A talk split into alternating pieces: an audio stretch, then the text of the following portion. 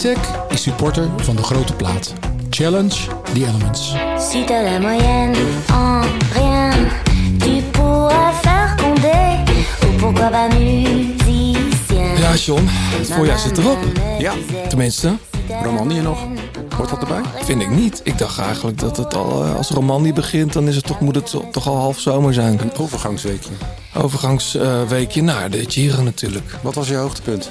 Van het voorjaar. Ja. Ehm ja, Dylan van Baarle toch wel, denk ik. Maar het, was eigenlijk een en al hoogtepunt. Vond Poca in eh Strada ook wel heel vet. Ja. Ik vond gek genoeg. Daar gaan we het straks nog wel over hebben. Luik een beetje saaie koers. Wel een mooie winnaar. En gekke momenten natuurlijk. Maar goed, ik denk toch Dylan van Baarle maar het, het hoogtepunt. Ja, ik denk het ook. Toch? Ja, ik zag dat op, een, eh, op het vliegveld van Liverpool op mijn iPhone met een heel slap. Oh ja, ik zag het ja. Ja, je moet toch een keer een weekendje weg. En dat eh Het verkeerde weekend. verkeerde weekend. Ja, maar- je zat met tranen in je ogen. ja, zeker. Ja, je kent Dylan ook goed natuurlijk. Ja, nou, het is gewoon een fantastische uh, wielrenner, bescheiden jongen. En Ja. ja. ja, mooi dat dat soort jongens ook, hè, ook grote koersen weer kunnen Ja. winnen. Heel benieuwd trouwens wat het eh, hoogtepunt is van onze gast. Zou iets met Kuurne, Brussel, Kuurne te maken kunnen hebben misschien? Ik denk het wel. Ja.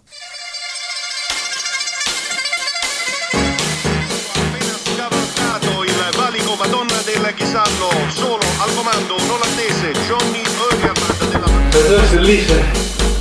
De liefde voor de koers. Blijleven trok de sprint aan. Toen kwam John den Braber eroverheen. En John den Braber wordt de nieuwe kampioen van Nederland. Je luistert naar De Grote Plaats. Een podcast van oud-wielerprof en muziekjournalist John den Braber... en muzikant, zanger en wielerfanaat Blauwtsoen. Zij nemen samen de meest opmerkelijke gebeurtenissen in het profpeloton door... bespreken hun favoriete nieuwe muziek... en gaan op zoek naar het muzikale hart van renners... en het wielerhart van artiesten.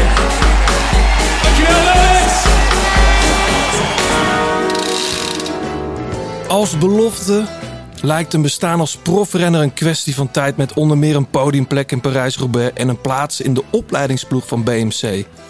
Er lonkt voor de geboren Zwollenaar een profloopbaan.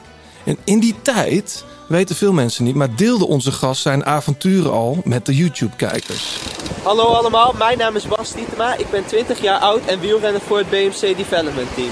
Door middel van mijn vlogs wil ik jullie graag een kijk geven in het leven van mij als wielrenner. Ja, hij zit hier te lachen. Maar eh, nog, voor zijn, nog voor zijn carrière goed en wel is begonnen, valt de jongensdroom toch een beetje in duigen, zo lijkt. Maar de passie voor koers, de fiets en het vloggen blijft. Met ludieke en serieuze video's verspreidt hij de liefde voor koers op internet. Wat begon als een hobby, werd een business en ontaarde in een heel succesvol YouTube-kanaal. En toen? Toen kwam ineens onverwacht de jeugddroom begin dit jaar via een U-bocht toch uit. In het shirt van Bingo Powels. In de vroege vlucht van Kuurne, Brussel, Kuurne laat hij aan de hele wereld zien dat hij ondanks een verlaat debuut wellicht op 27-jarige leeftijd profrenner is. Welkom Bas Tietema. Dankjewel voor de mooie introductie. Ja, je moest lachen om dat filmpje, hè? Ja. Een heel hoog piepig stemmetje. Ik klonk je. wat verkouden. Jij, hebt, eh, jij was dus al heel vroeg aan het vloggen. Ja, ik denk, iedereen denkt dat het met de Tour de Tietema begonnen is. Maar toen je bij BMC in de opleidingsploeg was, eh, reed, was Ja. je al bezig. ja, ik denk dit, dat dit een jaartje of 17 of zo dat ik geweest zou zijn. Alleen, je merkt wel dat toen de tijd werd het echt gezien als een soort van afleiding van... Goh, doe dat nou niet. En ik had niet echt het gevoel dat toen de tijd echt ondersteund werd. Of dat, dat terwijl nu... Ja, misschien dit, het maken van video's misschien wat overdreven. Maar nu heeft natuurlijk elke sporter is bezig met zijn eigen... Of het nou Instagram is of Twitter. Nu is dat heel normaal. Ja. Maar toen de tijd... Ja, het is een beetje voorloper wat het uiteindelijk is geworden, denk ik. Ja. Hey, jij zit met je handen over elkaar. Ik appte jou een tijdje vorige week, twee weken geleden, hoe is het met de blaren? Maar Parijs-Roubaix, kunnen we daar nog iets van terugvinden op, de, op je handen? Ja, ze zijn langzaam zijn ze een beetje aan het dichtgroeien. Maar Oh, eh, echt? Ik zie ik had wel een aantal eh, forse blaren erop staan. Ja. ja. Hoe is het met je? ja, goed. Ja? Ja, goed. Eh, ja, even twee dagen dat je even goed door elkaar geschud bent en vermoeid en goed naar de Filistijnen bent gereden. Maar Mhm. nou, langzaam ben ik er weer. Ja, je straalt. Eh, afgelopen weekend natuurlijk, of natuurlijk zeg maar, Luik niet gereden. Ploegmaten van jou wel. Die zaten massaal in de kopgroep. Dat moest ook wel, want het is een Waalse sponsor natuurlijk. Ehm, even een korte recap voor de mensen die jou niet kennen. En dat zijn er denk ik niet veel. Jij bent dankzij jouw eh, ja, YouTube-kanaal Tour de Titema... eigenlijk via, via op snuffelstage gegaan, mag ik het zo zeggen... bij Bingo Pauwels. Je hebt daar na keihard werken een profcontact getekend. Ik ga er even heel snel doorheen. Mhm. Ja. Ehm, dat is het toch in een notendop? Ja, in een, na, in een notendop. We zijn eigenlijk vorig jaar met z'n drieën, met wie we eh, de YouTube-video's maken, met Devin en Josse, Ja. zijn we van avonturen, fietsen, eh, daadwerkelijk naar het wedstrijdwielrennen gegaan. Ja, En zo'n dat- team opgericht zelfs. Ja, Ja. ja. en we zijn eigenlijk in het laagste niveau van het wielrennen begonnen. We hebben wedstrijdjes gereden op Ahoy. Toen hebben we ons een eh, sportklasse licentie aangevraagd. En dat is eigenlijk hoe het wedstrijdwielrennen weer is Tegen begonnen. zon gereden ook? Of, eh, Nee, ik weet niet. Nee, ik denk was niet. het toen niet. Nee, het was een dinsdagavond eh, op. eh, Ik op weet wel dat je geweest bent, want dat ging gelijk rond. Ja, dus ehm, Maar in het begin draaide het toch meer om Josse, dat die een, een koers moest gaan winnen. Dat Ja. was toch de eerste Ja. intentie? Ja. ja, mijn rol was eigenlijk hem een beetje wegwijs maken in het wielrennen. En daarbij kwam ik ook wel heel erg erachter dat voor, wat voor wielrenners en profwielrenners heel normaal is. ja. is dat eigenlijk voor mensen die net starten met fietsen helemaal niet. Van hoe, hoe, hoe vraag je een licentie aan? Echt gewoon van die hele basisdingen.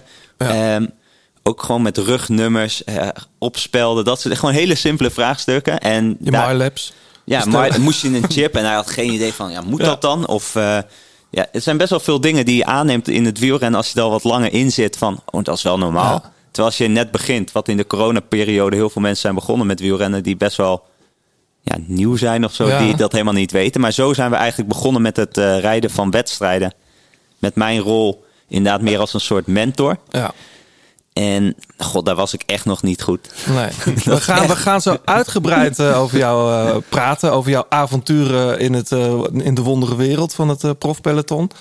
Ehm, je hebt ook muziek meegenomen. Ja, Best wel tof. Ik appte jou al. Het is heel uiteenlopend. Jij, heb jij het al gezien, John? Wat die Nee, ik laat me altijd verrassen. Ehm, dat wordt echt eh, wordt wel bijzonder, denk ik. Ehm, en we blikken natuurlijk eh, alvast een klein beetje vooruit naar de Giro d'Italia. Vind ik zelf altijd een van de mooiste rondjes, ronden. Ehm, maar eerst, John, even naar eh, wat jou allemaal is opgevallen in de muziek- en wielerwereld.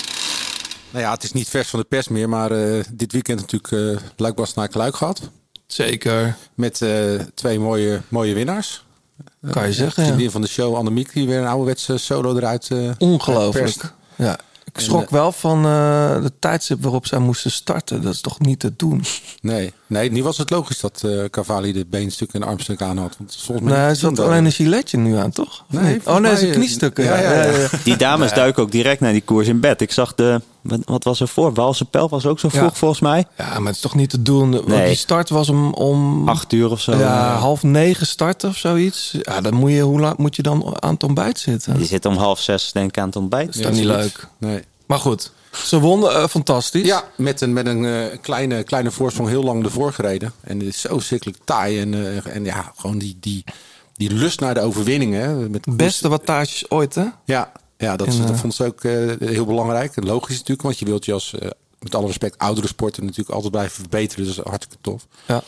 Ja, en, en de, de jonge veulen dan bij de mannen, die eigenlijk, waar jij een beetje op hintte, de koers een beetje lam legde na de, na de eh Lade Doet. Het was wel een saaie koers. Ja. En dat is wel jammer. Maar wat is dat toch met die Waalse koersen? Want de Waalse pijl is ook niet om aan te gluren Nou Maar dat, dat, wanneer is dat wel geweest? Nee, bedoel ik. Maar dat ja... Toen de drie man van Gewies eh, tien minuten voorop reed. Nee, maar zijn Amsterdam Gold Race heeft op een gegeven moment zijn parcours Was ook een tijd meerdere keren Ja. gewijzigd. Ja. En dat is nu een fantastische wedstrijd. En het Luik pas naar Luik blijft toch...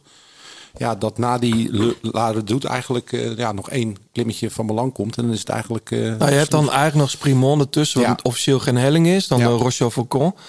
Ehm, maar je hoopt, ja, ergens, ja, hoe, hoe zou je zo'n koers interessanter kunnen maken? Ja, ik denk wel dat beide koersen inderdaad heel erg typerend hebben dat ze een beklimming hebben die eigenlijk de koers een beetje op slot houdt, denk ik. Zoals Roche Faucon en Luik Bastenaken Maar Luik. toen Poels won in die, in die kou, weet je. Toen zat Roche Faucon er wel in. Maar hadden ze nog wel die oude finale bij de... Met Ans. Met Ans. ja. Waar VDB op eh, welk nummer? Huisnummer ook weer? Eh, Nee. Saint-Nicolas was dat. Ah, dat is Saint-Nicolas, ja. Ja. Maar ook die hele lastige aankomst. Dat je heel lang omhoog rijdt en dan bocht je links en Ja. een kort sprintje. Ik, ik eh, ben heel onbekend eigenlijk in de Ardennen. Ik was daar van het weekend. Ook om de koers te kijken. Maar dat kun je, wat kun je daar vet fietsen, zeg?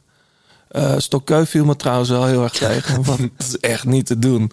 Er zit, eh, nou ja, maar superleuk om te doen. Ehm, en wat een nare val. Zo.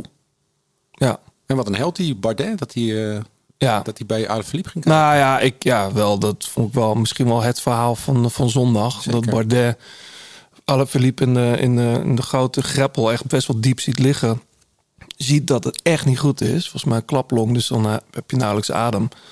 Kon niks zeggen. En dat hij dan kiest om, eh, om, eh, om hem te helpen. Vind ik... Zeker. Ja, het is lang geleden dat ik zoiets in topsport heb gezien. Ja, heel mooi. Maar even de pool wint dan de, misschien wel de mooiste voorjaarsklassieker volgens sommigen. Ehm, Nee, toch? Nou ja, Nou ja, een van de lastigste, laat het zo zeggen. dat is het. Is daarmee het voorjaar gered voor Quickstep? Ja, denk het wel. Want? Ja, met zoveel zieken. Er is, ik denk dat, dat die jongens en dat team niet zo heel veel is aan te rekenen. Het is Nee, dat allemaal. zeg ik ook niet, maar het is- Ja, tuurlijk. Als je dan met Evenepoel, eh toch? Luik wint, monument bij zijn debuut. Voor de. Ik denk dat ze uiteindelijk wel tevreden zijn, maar misschien wel nog steeds meer hadden of op iets meer hebben gehoopt of zo. Ik denk natuurlijk veel chagrijn rond de Ja. ploeg. De, het Ja, hele maar het is ook de pers, dat hoor. niet lukt. Ja, tuurlijk. Maar ja, die druk. Ik bedoel, jij rijdt zelf ook in België. Dat is natuurlijk, ja, daar is een wielrenner niet zoals in Nederland een Nee. wielrenner. Daar, Nou, ik vind wel een goed voorbeeld wat je zegt wat betreft qua pers. Als ik dan een beetje kijk, ik ken Remco een beetje en wat er over hem geschreven wordt. Dat gaat natuurlijk, dat, dat is natuurlijk een achtbaan. Als het slecht gaat, dan is hij, hij gaat nooit meer een grote ronde winnen. Want ja, hij heeft toch al laten zien dat hij er vaak doorheen zakt. Ja, Dan wint hij weer, dan is hij magistraal. En dan is het een fantastische En zo zeg maar, dat cirkeltje gaat, gaat altijd rond. maar dus ik heb ook het idee dat hij daar soms te veel in meegaat. Als, als mensen tegen hem zeiden voor de val van Lombardije: dit is de nieuwe merk. Zat, Dat weet ik. Ik vind dat bijvoorbeeld als ik kijk naar... In Nederland vond ik wel Sven Kramer vrij vergelijkend. Gewoon wetende van hoe goed je bent en dat ook daadwerkelijk uitspreken. Ja. Ik denk dat in het algemeen wielrennen niet echt... Maar Sven Kramer stond niet in de privé. Nauwelijks. Ik lees de privé niet. Maar in, in, die, in die rubrieken, laat ik het zo, zo zeggen, dat die op een gegeven moment. En, en Ja. Remco Evenepoel wel, hè? Ja, maar ik vraag me dus af of dat door hemzelf komt. Want als hij een nieuwe hond heeft, wordt er geschreven over de nieuwe hond van Ja, maar. Wout van Aert staat daar niet in. Dus er is, is iets om hem heen wat het interessant maakt. Om Ja. en dat maakt het meteen zo lastig om wielrenner te zijn in België, denk Ik ik. denk wel dat hij inderdaad iets uitgesprokener is. Ik vond het wel bijzonder dat hij... Dat vond ik wel mooi. Hij praat in de derde vorm over zichzelf. Dat heeft Rico Verhoeven heeft dat bijvoorbeeld ook. Ja. Over Team Rico. En hij zei ook, ja, ik heb de beste Remco laten zien. Dat vind ik altijd wel grappig. Ja, maar heeft ook iets eigenaardigs. Daar, daarin kan ik misschien inderdaad opdoen dat mensen daar dat iets meer... En vooral misschien Belgen. Omdat Belgen natuurlijk al meer iets meer terughoudend Ja, zijn. zij vinden hem een dikke nek. Ja, hij is eigenlijk wat, wat dat betreft meer Nederlander. ja, hij heeft er ook wel veel aan gedaan om dat te krijgen. En natuurlijk die opmerking eh, richting, eh eh, hoe heet die jongen ook weer van IF? Die Vlaanderen won, die Italiaan. Bettiol. Van die wint nooit meer een koers. En, eh, Nou, hij heeft tot nu toe gelijk. Maar ik denk, al met Nee, al maar- denk ik wel dat dat heel goed is voor het wielrennen. Ja, ik denk juist die strijd, dat is juist wat je eigenlijk in de Formule 1 ook ziet. Ja. Ik denk dat dat super mooi is. En daardoor krijg je een beetje twee kampen. Het moet wel altijd met een soort van respect zijn. Zeker. Maar ik denk wel dat dat een... Ja, maar, hij flikte natuurlijk op het WK ook iets geks hè, in dat team van België. En dat, dat hangt nog steeds een beetje aan hem. Ja. Maar ik ben blij dat hij er is. En als je ziet hoe hij rijdt, ik miste wel heel erg Pogacar. ja. Ik dacht, als er iemand is die hem hier kan volgen, is, is eh Tadej het. Maar om nog even terugkomen wat, wat Bas zei in het begin al over, over eh, ja, inderdaad de, de per, over, wat, over die vlog van jou. Dat het destijds van ja, doe maar gewoon normaal. Weet je, dat is natuurlijk met Evenepoel ook. Weet je, die, normaal als je met een buiten uitspraak komt, dan, eh, dan wordt er gelijk al gezegd, hè, dan word je gelijk op afgerekend. Hè. Nu ook weer eh, zei iemand van eh, de drie Belgen op podium, is uniek. En zei ja, maar er is maar één plek die telt. Ja, dus de, hij, ja, dat, daar wordt hij wel op, op afgerekend. En daarom dat hij misschien ook wat meer Ja. op wordt gezocht door de pers. Wat ik nog het laatste wat we erover zeggen, ehm, misschien, nee, het laatste. Wat ik interessant vond, ik las het of ik hoorde het ergens, dat toen hij de Giro zou gaan winnen, tenminste dat dacht hij denk ik echt niet zelf, maar daar in ieder geval voor een hoog podium ging, woog hij eh, net iets boven de 60 kilo. Ehm, hij is nu 64 kilo. Dat is voor een profrenner pas 4 kilo zwaarder, is nogal wat. Ja. Maar hij trapt dus hogere wattages en klimt beter. Even los nog van zijn dalen, daalcapaciteiten waar hij aan gewerkt heeft. Het kan toch spiercapaciteit zijn? Ja, maar ik vind dat wel interessant. Dus ze hebben me eh, geprobeerd hem naar de 60 kilo te krijgen. En dan moet je gewoon, ja, dat is er eh, redelijk onnatuurlijk. Ook voor zo'n klein gastje. En als hij dan 64 weegt, is hij blijkbaar een betere wielrenner. Dus ik vind dat interessant. Jij bent, jij bent ook met dat soort dingen bezig, Bas. Ja, eh, ik denk op zich inderdaad dat een pure klimmer, als je gaat kijken, denk naar wie altijd de grote rondes hebben gewonnen, dat dat nooit de allerlichtste zijn. Volgens mij is dat wel licht, maar altijd een soort allround type. Ja. En ik denk dat je dat ook wel goed zag in Luik Bastenaak Luik, dat zijn kracht, en daar had hij volgens mij ook aan gewerkt, is meer gewoon het hard rijden. En dat zag je ook in de tijdrit. Volgens mij heeft hij in de Algarve iedereen op, minu- op een minuut bijna gereden. Zelfs Stefan Koen kwam echt op 30 Ja. seconden binnen. Ja. En dat was eigenlijk ook hetgeen wat hij nu heeft gedaan. Want hij reed eigenlijk niet op de beklimming weg, maar een beetje op de uitlopen van de Redoute. Ja. En vervolgens heeft hij denk ik gewoon een tijdrit van, hoe lang zou het zijn geweest? 40 minuten? Zoiets, ja. En ik denk dat dat eigenlijk ook zijn kracht is, denk ik. En dat hij omhoog niet per se de beste klimmer puur zang is. Maar wel degene is die ook met oppervlak dat hij heeft. Een Ja. beetje de aerodynamische waardes. Dat hij wat dat betreft gewoon... Dat er bijna wattage per kilo Nou, niemand in de buurt was stond. dat, Was dat Route de Sol, dat Vlasov eh, op die gravel... eh, die gravelbeklimming eh even... Valencia, volgens Valencia, mij. hè? Ja. Dat die Evenepoel eraf rijdt. Dat is echt heel stijl, kort klimmetje. Nu zie je dat, dat Evenepoel wegrijdt op een iets aflopender stuk. Tenminste, het ging nog wel omhoog. En dat Vlasov vervolgens niet bij hem kan komen. Dus het is wel mooi. Ik vind het mooi om te zien hoe, hoe zo'n renner zich dan toch ontwikkelt. eh, Na die val eigenlijk in Lombardije. Zich op hele vroege leeftijd moet heruitvinden. Ja. En het laatste wat ik over kilogrammen wil zeggen. Wout van Aert stond in de top 10. Die foto, hè? het leek net alsof hij met een paar eh, junioren op de foto Hij is stond. 16 kilo zwaarder dan de gemiddelde renner in de top 10. is toch bizar? Ja. Maar goed. Er is nog hoop voor ons. Inderdaad, ja, nu je erover begint. Ehm, verder nog eh, triest nieuws in de rock'n'roll Ja. van de lage landen. Zeker, met eh, het overlijden van Henny Vrienden en eh, de Belgische singer-songwriter Arno. Jan Rot nog de week daarvoor. Ja, Jan Rot. En eh, ja, vooral Henny Vrienden. We wisten natuurlijk dat het slecht met hem ging. Eh, ze zouden nog schrok, een... ik schrok me kapot. Ja, ja, jij appte het mij. Ik had het Nou, helemaal niet gezien. Ik werd gebeld door een redactrice van Op 1. En ik zat in de Ardennen. Dus ik had wel zo'n beetje in, me, eh, in een soort modus van... Ik had weinig nieuws gezien. Dus zij was degene die mij het vertelde. Ik, ik zeg, huh? Ik had het niet... ik wist wel dat het slecht ging, maar het Ja. ging ook even weer wat beter. Ehm, ja, Ja, ik heb hem zelf nooit ontmoet, maar het schijnt een ontzettend aardige man Echt te zijn. enorm. Ja, dat vertelt iedereen. Ik, ik zou, en dat klinkt eh, zo stom altijd in dit soort situaties. Want natuurlijk, eh, het verdriet van de familie. Ik, heb, ik had vanochtend nog even contact met zijn zoon. Is enorm natuurlijk. Ook een muzikant. Ja, bassist van, eh, van Jet Rebel. Ik heb Henny dit voorjaar voor het eerst ontmoet. Omdat hij, hij appte mij een keer via Insta dat hij zo enthousiast was over Real Hero. En ja, ik dacht, wow, Henny vriend vindt Ja. mijn lied vet. Toen hadden we afgesproken, we gaan een keer iets met, eh, met elkaar doen. En dat stond ook nog een soort van in de planning. En toen kwam ik hem tegen in een tv-studio. En twee weken later was hij ziek. Ja. Dus ja, maar goed, als je dan... Gisteravond was natuurlijk een hoop tv daarover. Als je dan ziet wat hij allemaal gedaan heeft. Ja, ook voor Ook- andere artiesten geschreven. Ja. Hele mooie soloplaten gemaakt.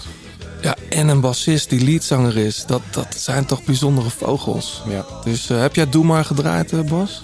Ik heb wel veel geluisterd van Henny Vrienden met de Hofstede groep, volgens mij. Zo'n Ja, samenwerking. Klopt. Ja, Dat nummer. ja. Ik moet bekennen, ik ken niet zijn hele repertoire, maar ik ken zeker nummers. Ja. ja man. Eventjes eh, even deze. Dit, is mijn favoriet. Ik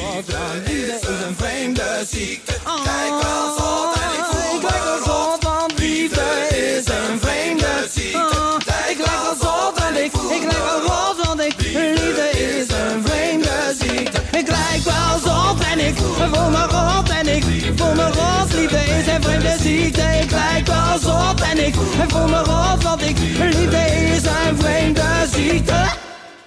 Ja, we gaan hem wel missen. Ja, zeker. Eh, hij zou, er zou een hele grote tour stond gepland. Hè? Is toen ook in Het het was wel een voorjaar. afscheidstoer al. Hè? Het was Ja. de laatste keer dat ze met Klopt. Zouden optreden. Ja. Maar goed. Ehm, voordat we naar jou gaan, Bas, nog even de Ik, reacties. heb, joh. eh, ik heb nog wat. oh, je hebt nog wat? Ik heb nog wat. Ik heb eh, vorige week Fabio Jacobsen gesproken. Oh, wat leuk. Ja. En? Heb je hem uitgenodigd? Hij, hij, komt, eh, hij wordt onze kerstbrunch eh, gast. Oh, wat leuk. Dus na het seizoen komt hij graag een keer langs. En hij gaat dus naar de Tour. Tenminste, officieel heeft hij nog geen groen licht gehad, maar dat zit wel, wel snor. Ja. En hij is goed in orde. En Ja. hij is... ja, Was hij op vakantie nou? Of hij is drie weken heeft hij een vak- trainingskamp slash reset slash eh, oplaadperiode. Ja, want zijn vriendin was er ook, zag ik. Zijn meisje is ook mee, dus hij zit lekker in, eh, in Kalpen. Is hij elke dag aan het trainen. En hij, heeft, hij heeft het erop staan voor de, voor de Tour de France. Dus we hebben het natuurlijk even over Dylan nog gehad. Maar ook over zijn... jij kwam nog met de vraag van... wanneer gaat hij naar Monaco? Maar dat heeft dus echt gewoon in de planning gestaan. Hij zou in Monaco gaan wonen. Ja. En toen kwam het coronajaar en die valpartij. En daarmee heeft hij besloten om ja, op het eiland eh, waar zijn vriendinnetje eh, vandaan komt, eh voor een putten, om daar te gaan wonen. En met jongens als Maarten de Bakker en Arthur Vaarhout Hmm. kilometers te maken door de wind te beuken. Maar Van je weet nooit, hè. Taco team. zou ook niet uit Wageningen weggaan. Die gaat volgens mij nu ook naar Andorra. Nou, maar hij zei ook, hij zegt dan maar geen Milan Sanremo winnen en dan maar niet heel veel netto geld overhouden. Hij zegt, ik denk dat ik daar geen gelukkige mens van word, want hij heeft natuurlijk wel nodig voor zijn kiezen gehad. En, Zeker. ja, hij zei ook van, ik heb, kan me niet herinneren dat ik ooit nog dat ik ruzie met iemand heb gehad, sinds dat ik zeg maar weer normaal functioneer. Dus eh En daar lezen we binnenkort over in... in eh, Bicycling Magazine. leuk. Dus Ja. eh, hartstikke tof. Reacties, John? Veel reacties natuurlijk na afloop eh, van de eh, uitzending met... eh, uitzending, hallo. Aflevering van Voor man ik, hè Bas? Ja. Aflevering op de beeldbuis. Want eh, met Floortje Makai. En Ja. eh, heel veel mensen waren best wel verbaasd dat zij eh, moest horen van ons dat DSM in, eh, in Parijs-Roubaix met een apart eh, wielsysteem ging rijden. Wat ze uiteindelijk niet gedaan hebben. Nee, maar, Maar zij, zat, zij hoorde dat dus Ja. via de, de media. Dat vonden mensen heel opmerkelijk. Ja. Eh, nou, mensen vonden het sowieso heel erg leuk. Eh, ja, Floortje is natuurlijk heel positieve, sportieve dame, zegt eh, Ad van Brugge. En eh, met Jan Smit als muzikaal idool, daar is niks eh, mis mee. Nou, dat vinden wij ook. Eh, Robert, fietsboek, die eh, schrijft... Wat een heerlijke aflevering. Weer eh, wat een prachtige sportvrouw en blijkbaar heerlijke babbelaar. Gooi er een kwartje in en stil wordt het niet. Het chagrijn van de file verdween als sneeuw voor de zon. Nou, dat is toch leuk. Precies, precies. Dat we ook. Eh, mensen die eh, zijn blij dat jij Porridge Radio hebt getipt Oh, leuk. als beentje. Dat, Ja. eh, waaronder eh, ehm, eh, Joep. En eh, kijk hoor, Erik Kokke. Die zegt, eh, ik loop een paar afleveringen achter. eh, die ben ik aan het inhalen. Dus wil ik jullie bedanken voor de mooie tribute aan Mark Lanigan. Een fantastische, best onderschatte artiest. Dit soort tributes maakt jullie podcast uniek en waardevol. Dankjewel. Leuk. Nou, dat is hartstikke tof. En het shirt gaat naar... Nou, Erik, eh, als jij fietst, eh, dan eh, neem even contact met ons op. En dan krijg je een mooi shirt van de grote plaat van 36 Cycling. Ja. Hey, nog één ander ding voordat ik het vergeet. Maar dan hebben we de administratie gehad. Eh, die True Oh ja. Bike, waar wij natuurlijk van gebruik hebben gemaakt. Ehm, we hadden daar een winnaar voor uitgeroepen, maar die neemt maar geen contact met ons op. Dus hebben wij een andere winnaar uit de hele vele inzendingen gekozen. Ook een bijzondere. Frits Jaspers uit, uit België. Die eh, heeft dus gezegd: Ja, ik, ehm, ik hou wel van gekkigheden. En die gaat 24 uur achter elkaar op een Truebike rijden. Dus die Truebike is naar, onderweg naar België. En hij maakt er ook een, eh, een mooi filmpje van. Dus dan, dan, dan kunnen we dat eh, tegen die tijd een keer online delen. Heel benieuwd. Anne van der Breggen is trouwens ambassadeur geworden van Ik zag Truebike. het, ja. Dus eh, dat komt natuurlijk doordat zij ook naar de grote plaat luistert, Anna. Kan niet anders. Ehm, nee, maar dat is leuk. Ehm, Ik denk voor Truebike ook leuk. Ehm, we gaan door. Zeker. Je luistert nog steeds naar De Grote Plaat. Heb je tips of heb je een vraag? Laat het dan weten via Twitter, het Grote Plaat of Instagram. En laat een reactie en een beoordeling achter op Apple Podcast. Bas Tietema, nogmaals. Leuk dat je er bent. Jij straalt altijd zo. Nou, Dus Kom je ook zo uit bed? nou. Nee, ik ben ook wel gewoon chagrijnig. Ja? Als ik in de file sta, dan eh, staat mijn kopje ook op half zeven. Hoor. Ja, maar vanochtend stond je niet in de file, denk ik. Nee. Nee. En het is eh, schitterend weer al de afgelopen weken. Fijn, hè? Ja, want je Dus, was hier eh, best wel vroeg, want ik had de auto staan van Tour de Tieten. Maar ik denk, die is een rondje rijden of was even een beetje in Utrecht. Ik wist niet waar je vandaan kwam natuurlijk, maar Nee, ik was, eh, ik was al in deze regio. En, Drukke dag met afspraken. Ik was er op tijd. hey, het had zomaar gekund dat jij profvoetballer was geworden, hè? Ja, hebt nog bij, bij de, de jeugd van PEC. eh, Nou, nou. Ik kon een aardig balletje trappen. Ik kon het bal goed in de goal schieten. Wat eigenlijk ook de essentie is van de sport. Maar ik was geen wereldtalent qua wat voor voetbal. positie stond je dan? Spits. Spits. In de, ja, in de voorhoede. Ja, dat, ik, ik kon niet goed voetballen, maar ik kon de bal uiteindelijk in de goal schieten. En dat was mijn sterke punt. Met Maar- lang haar zag ik ook. Met heel lang haar. Ehm, Maar hoe kom je dan bij PEC terecht? Dat is toch wel een redelijk serieuze ploeg. ja, ja, ja, ik kon, Ja. Ook, ik kon wel aardig een balletje Aardig, trappen. oké, ja. Alleen, ik, het is niet dat ik... ehm, ik was een hele slechte versie, denk ik, van Luc de Jong dan. Gewoon iemand die heel goed Zie je iets, het wel voor me, ja. iets heel goed kan. Maar ik had zeker geen ehm, een Nee. volwaardige profcarrière als voetballer. Ik had misschien eh, leuk kunnen ballen in de hoofdklasse. Of Waarom een- ben je gestopt? Ik scheurde mijn kruisbanden af bij PEC Zwolle. Ehm, en ik volgde al echt elk, eigenlijk alle sporten. Formule 1, tennis, wielrennen. Ik volgde alles. En dat is eigenlijk de, de reden waarom ik toen in de revalidatie werd ik op een fiets gezet. En ik had een klasgenootje die bij de lokale wielervereniging zat. En op die manier zijn eigenlijk dingen samengekomen. En in het revalidatietraject merkte ik dat ik echt veel plezier had voor het fietsen. Ja. En eigenlijk zo is die overgang gegaan. En de combinatie voetbal-wielrennen, die is niet heel erg makkelijk op hetzelfde moment. Daar kwam ik wel vroeg achter. Maar je hoort het wel vaak dat sporters uit een andere sport. Annemiek van Vleuten. Ja, Remco. Ja, iemand als Magnus Bekzet bijvoorbeeld. Dat was een, echt een, een afda, een skier. Mhm.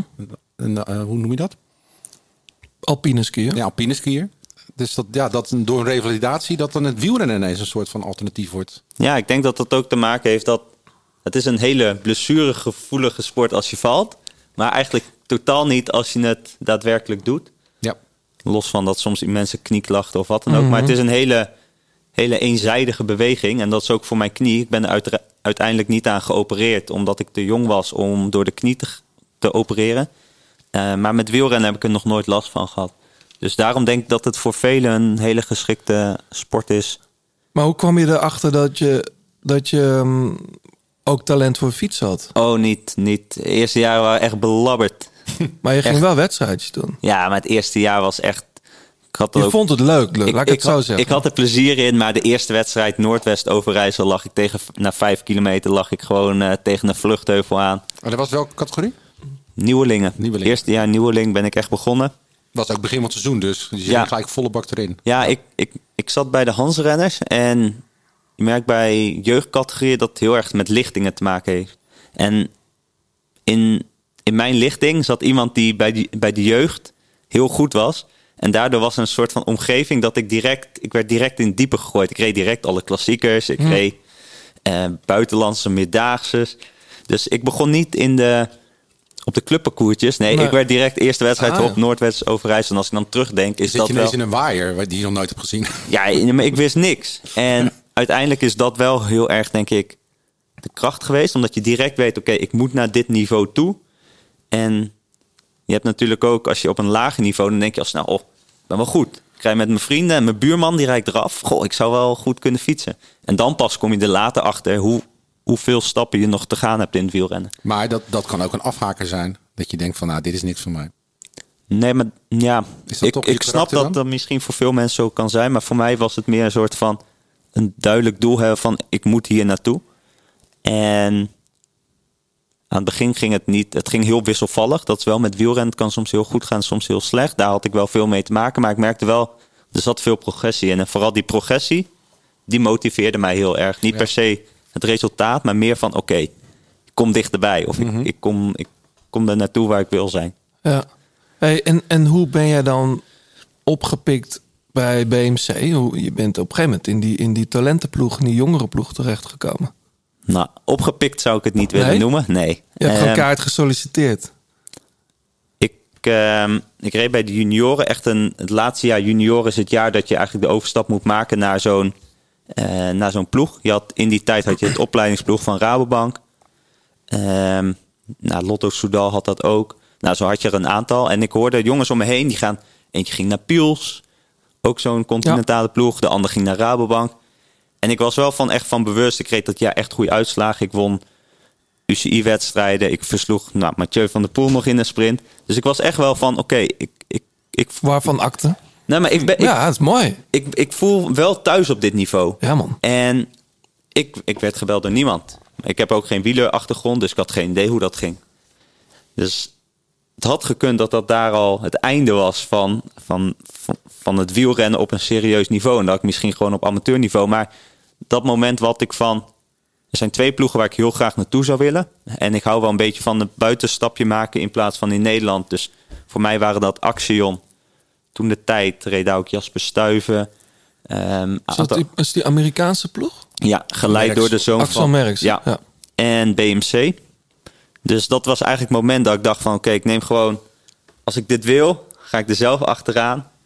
En ja, toen sprak ik Rick Verbrugge en Jens Blatter... die waren eigenaar van die ploeg. Die sprak ik in Simpelveld, want daar reden wij ook. En re- zij reden daar later de elitewedstrijd. Nou, toen heb ik gewoon het verhaal verteld. En toen was eigenlijk het verhaal van... We hebben al te veel renners, dus het past niet. En uiteindelijk eh, kwamen er uiteindelijk twee plekken vrij. Ik reed een goed najaar en toen viel alles samen op dezelfde plek. Maar achteraf hoorde ik, zij krijgen zoveel sollicitaties. Tuurlijk, ja. En dat is denk ik ook, als ik nu dan zeg naar wielrenners. In mijn tijd als junior dacht ik, dat is... Iedereen weet wat wij doen. Als ik goed rij, goh, iedereen heeft dat in de gaten. Maar ik heb nu ook geen idee wie de goede junioren zijn. Dus daarin, tuurlijk, je hebt de Nou, het uitzondering. verbaasde ons nog laatst dat eh Servaas Knaven zat hier. Ja, En die vertelde ons dat Ineos, die zou het niet zeggen... maar die hebben niet echt een, een soort van... eh, Scout? Een scout of zo. nee. Dus het is allemaal zo'n beetje via via. En het komt dan altijd wel goed. Dat zie je nu ook weer met Ben Turner en eh, Magnus Sheffield en zo. Ja, en de toppers, die komen er wel. Maar daaronder zit zo'n hele grote groep met allemaal talenten... waarvan net iemand het wel kan maken en misschien net niet. Ehm, ja, dat, dus daarin, als je het echt zelf wil... ben je uiteindelijk denk ik wel heel erg verantwoordelijk voor je eigen carrière. En dit is denk ik niet alleen het wielrennen. Ik denk dat het ook voor artiesten geldt. Zeker, ik herken het wel, ja. ja En Dat- het is natuurlijk niet zo... Het heeft niet de charme of zo om te zeggen van... ik ben daarvoor gegaan. Want het is, maar het- waarom niet? nou, Als je een droom hebt. Ja, als je een droom. Maar het wordt natuurlijk heel erg gezegd van focus je op goed rijden en dan kom je er wel. Ja. En dan uiteindelijk als het niet komt, ja, dan. Nee, maar dit, dit is grappig dat je het zegt. Bij artiesten is het exact zo. Er zijn zoveel getalenteerde mensen, ook in Nederland... die op hoog niveau liedjes schrijven, mooie platen maken... en het lukt maar niet. En die denken echt dat het nog steeds... en dat is niet eh, zo... dat als je maar iets heel moois maakt en iets heel goeds maakt... dat het dan op een gegeven moment wel gaat marcheren. Daar heb je gewoon iets meer... eh, ja, dadendrang voor nodig, zeg maar. Ja. Om het op andere manieren bij mensen bekend te laten worden. Ik denk dat het soms in de muziek best wel gênant kan zijn dat er tegenwoordig gewoon mensen muziekjes ma of muziek maken. Dat niet eens meer zo goed is. En dat als jij dan op je zolderkamertje en echt getalenteerd bent, dat je denkt van goh, waarom lukt het mij niet? En Ja. iemand. En iemand zegt, ja, er zijn natuurlijk zoveel. Nou, veel, veel artiesten, en dat geldt ook om beeldend kunstenaars... Die, die het redden aan de top of die de top halen... hebben ook iets van een entrepreneurship. Of is Ja. dat een lelijk, ja, een lelijk woord? Maar je begrijpt wat ik bedoel. Dat je gewoon los van je muziek en dat je je werk heel serieus neemt. In jouw geval het fietsen serieus neemt. Dat je denkt, ja, ik moet zelf mijn kansen maken en, en creëren. Ja, ik denk wel dat je inderdaad uit die bubbel moet stappen en iets meer, zeg maar, iets groter kijken van. Er komt meer bij kijken dan enkel het ambacht zelf. Ja. Maar BMC, heb jij een jaartje ge- gereden? Drie jaar. Drie jaar zelfs? Drie jaar.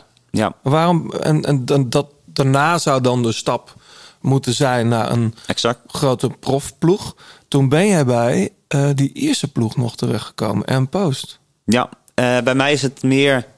eh waar nu, de, nu eigenlijk hoe jonger je bent, hoe eerder je overgeheveld wordt naar de profs, Ja. was dat bij mij was het heel erg het geval van rijp, vooral vier jaar en maak dan de stap. Dus mijn beste jaar was denk ik mijn eerste jaar bij BMC. Toen ben je ook derde in toch? Ja, en een aantal echt wel hele goede wedstrijden gereden. Ook wel eens een wedstrijd weggegeven, omdat dan reed ik met Ignacio Moser. Die Weet was je nog wie er won toen? Jasper Stuyven? Mark Tennissen volgens mij. Ja. Toch? Ja, als je die lijst door gaat kijken met wie er allemaal tussen staan. Ties Benoot en ja. ja, er staan heel wat uh, Ja. grote namen tussen. Maar toen gaf je ook nog een reeks samen met in ploeggenoot naar de finish. En dan was hij vierdejaars, mocht hij winnen. Nou ja. Dat was een beetje de, Oh ja? de, strat, of de strategie, maar dat was toen de tijd. eh, Ongeschreven regel. Ja, Maar en, dat is eigenlijk altijd al hoor. Dat nu die jonge jongens zo snel overgaan. is echt van de laatste drie, vier jaar. ja. Ja. En op een gegeven moment brak ik mijn sleutelbeen in de wedstrijd. Ben ik geopereerd en toen kreeg ik voor het eerst echt last van huidklachten. Dus ik kreeg overal rode vlekken, ehm, een soort urticaria. En het is heel lastig om uit te leggen. Als je een been breekt, dan weet iedereen... Oh, Ja. je hebt een been gebroken, Ja. duurt zes maanden en dan ben je er weer. En bij mij was het echt zo vaag iets. En ik kon er niet echt achter komen waardoor het kwam. Elk ziekenhuis in Nederland bijna wel, wel bezocht. Dermatoloog, kijken wat het, wat het deed. Maar er Had kwam, het te maken met de zon of met buiten zijn te maken? Of, eh? achteraf combinatie misschien met ehm, zo'n operatie dat er een middel in het lichaam komt wat, waar het niet op goed op reageert. Misschien een combinatie van stress dat het minder ging met fietsen. En uiteindelijk is het meer een soort vicieuze cirkel geworden. Dus niet, er is niet echt één punt geweest dat ik zei van oké, nu, nu is mijn droom in duigen of nu stop ik ermee. ja. Maar het werd eigenlijk minder en minder. En op een gegeven moment, ja, bij Ampo's kwam ik. Toen kwam ik daarna bij Beat. Toen daarna bij Bij Beat heel kort, maar... bij Allink. Oh. Ja. Dus dan weet je wel van, dit gaat niet de goede kant op. En En toen, heb jij toen een knop omgezet? Zo van, oké, that's it. Ik ga op een andere manier met fietsen bezig. nee, ik was best wel zoekende, denk ik. Ik, ehm, ik wist van nature al van, oké, ik vind sport super mooi en ik wil daar iets doen. Ehm, ik heb een jaar nog universiteit gestudeerd, of ik ben een jaar naar de universiteit gegaan. Je was Eh, ingeschreven, bedoel je? Ik was ingeschreven en ik kwam er wel achter van dat is niks. Maar ik, ja, ik wist niet zo goed zeg maar, wat mijn pad zou zijn, denk ik. Ik wist, ik, ik wil in de sport wat doen. Maar wat moet ik dan, wat, wat moet, wat- welke weg is daar voor mij weggelegd? Het leek me heel mooi om bijvoorbeeld een NOS Sport of zo'n Karel van Nieuwkerken te worden. Maar hoe word je Karel van Nieuwkerken? Nou, dat word je nooit. Dat wordt je Dat nooit. wordt niemand Nee, maar natuurlijk. al die functies, dat, dat, op een of andere manier Ja. kom je daarin. Daar is niet een pad voor om dat te doen. En ik, dat vind ik super mooi. En als ik dan nu zie waar ik nu sta, zou ik drie jaar geleden heel graag dit doen wat ik nu doe. Ja. Dus daar ben ik wel heel blij mee. wanneer is Tour de Tietema ook weer begonnen? Want ik kan me nog herinneren, lang geleden, dat jij een keer mijn Instagram berichtje stuurde van of ik, of ik een muziekje kon schrijven voor iets. Ik wist nog nauwelijks wat het was. Ja. Dat was volgens mij, toen was je nog niet begonnen. Nee, ehm, het is een beetje begonnen in de periode. Ik denk dat de Tour de France dat jaar in juli begon. Dat ik in mei begon te spelen van oké, Tour de France komt eraan. Ik wil iets doen met opdrachten, challenges. Ja, ja, ja. Een beetje dat wat YouTube heeft, wou ik in een Tour de France doen. Ik kan me nog herinneren dat jij op Twitter zelfs eh, voor een naam hebt gevraagd van hoe zal ik het gaan noemen. Ja. Dat je nog heel, helemaal, moest helemaal zichzelf. En op dat moment ben ik eigenlijk op zoek gegaan naar, eh, naar een geschikt iemand om, om mee te gaan. Ik was wel bewust van het feit dat als ik een productiepartij inhuur... Nou, je weet wat het kost om een video. Dat is gewoon... Zo Mhm. iemand kost 500, 600 euro per dag. Nou, 21 dagen. Ja. Dat geld had ik niet. Dus ik, ik had wel door dat ik eerst moest delen... om uiteindelijk te kunnen vermenigvuldigen. En toen ben ik uiteindelijk Jos en Devin tegengekomen. Eh, en zijn we van start gegaan. Ja. En in de... ja. Ja, daar praten we zo over verder. Ik wil namelijk eigenlijk eerst even nog terug. Die, dit is zeg maar de chronologische volgorde. Eigenlijk weer terug naar Bingle, waar je nu rijdt. Je bent profrenner. Je hebt, wanneer heb je contract getekend? In januari. Ja. Eh, en mensen hebben, daar, mensen hebben daar heel veel over gehad. Aan allerlei tafels, wij hier ook. En, en de- zei- ik heb zelfs ergens gelezen... De, oh, is de, de Puk Monen van het, van het mannenwielrennen. Vanwege een ander talent een profcontract krijgen. Ik dacht, die gast die gaat gewoon lekker zijn jongensdroom achterna. Mooi voor hem. Ben heel benieuwd hoe hij het gaat doen. En toen kwam ineens Kuurne, Brussel, Kuurne. Iedereen volgde. Denkt, nou, we zullen het wel meemaken. Zit hij verdomme in de kopgroep. En iedereen weet, Thijs Sonneveld zei het ook nog hier... hoe moeilijk het is om in dat soort koersen op hoog niveau... iedereen is er klaar voor om dat voor elkaar te krijgen. Het was natuurlijk... Ja, ik vond het ook wel weer prachtig om te zien hoe jij met een lijk, lijk wit gezicht uiteindelijk die kopgroep moest laten gaan. Maar dit was wel jouw visitekaartje. Hallo, hier ben ik. Ja. Prachtig, toch? Ehm, ik, heb het helemaal, ik- ik heb het helemaal meebeleefd als, een, als jouw droom die uitkwam. Dus ik heb heel erg genoten. Ik snap op zich, ik snap wel de vraag hoor. Ik snap wel de vraag die mensen hebben. Ehm, ik weet ook, of ik weet, nou, het ligt natuurlijk ook onder een vergrootglas. En ik denk dat dat ehm, medeweegt dat... Ik ben veel in het nieuws, een beetje hetzelfde als Remco Evenepoel. Op een gegeven moment zien mensen in, media ook, van... Oké, als we hierover schrijven, genereert aandacht. Maar op een gegeven moment denken mensen ook... Goh, gaat het alweer over die Bas Tietema? Goh, die, die, die wordt tachtigste. Hij ook nog bij de grote plaat? La- laten we het hebben over de winnaar. En, en, en dat snap ik heel goed. En het is ook niet dat ik zeg van... ehm ga het over mij hebben. Ik maak mijn video's. En mensen die het leuk vinden, kunnen daar naar kijken. En als je het niet leuk vindt, dan kijk je er niet naar. Dat, dat, dat hoeft niet. Nee. En... ehm, ik maar het glijdt, dit, dit Ja, soort maar ik kritiek glijdt toch van je af, of niet? Of vind je- ben je daar mee bezig toch? Ik ben er niet heel erg mee bezig. Ik, ik neem het wel op of zo. Ik zie het, of je ziet het wel, of je hoort het wel. Ehm, en ik denk niet eens per se dat het een soort van bewust iets is wat mensen zeggen van goh. Ik denk niet dat echt dat het een persoonlijke aanval of zo is. Dat ze Nee. denken van goh. Maar meer gewoon. Het wielrennen is altijd zo ingericht. Het gaat altijd om sportieve prestatie.